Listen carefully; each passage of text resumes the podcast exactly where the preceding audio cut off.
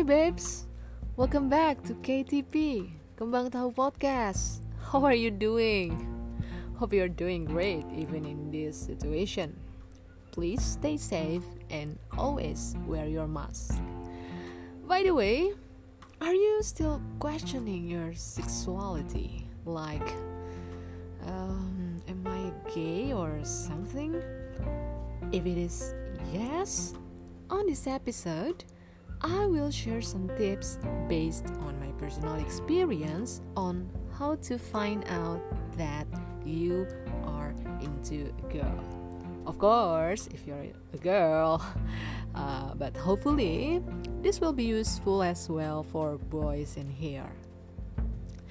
As I mentioned on the second episode, for many years back then, I didn't realize that I'm a gay until I became a sophomore in university. Even when I finally decided to give a try on having a relationship with a girl for the first time, I still had no idea about the same-sex relationship at that time.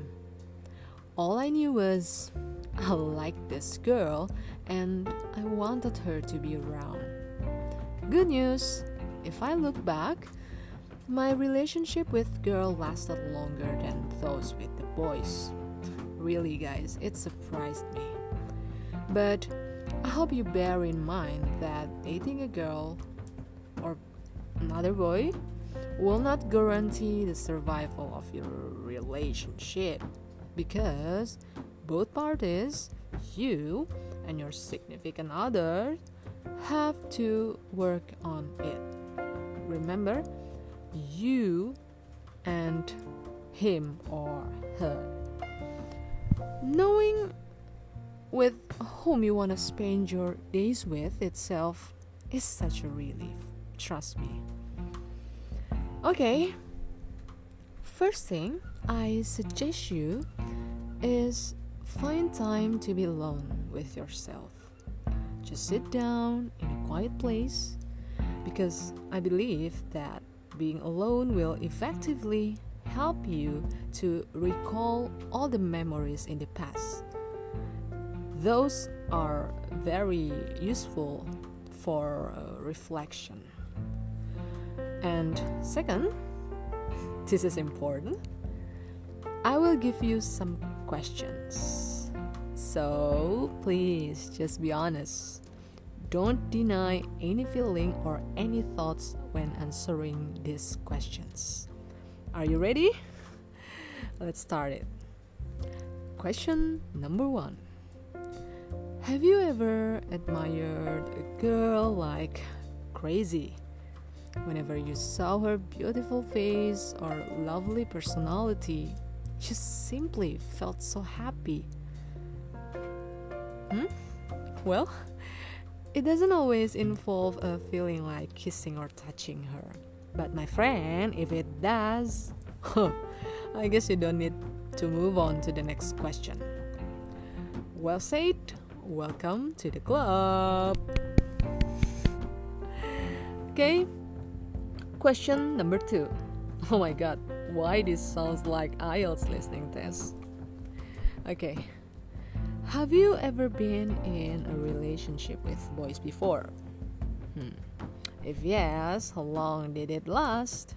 And what were the reasons you broke up with them? If had an abusive relationship was your answer, I'm afraid that your decision to be gay is not a natural thing which means you just consider that girl won't do the abusive things. Yeah, you might think, oh, I'm a girl and maybe other girl won't hurt me because we are too soft, right?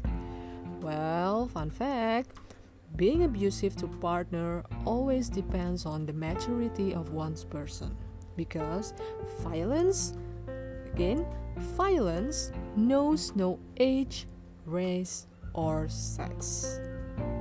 How about the answer? no, I haven't been with a boy.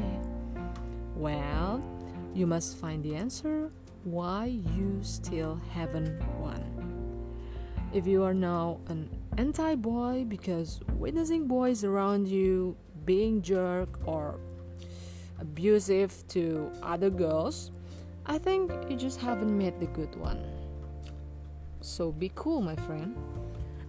I can say these things because all of my ex boyfriends are good people. Really. They're kind, sweet, smart, and good looking, of course.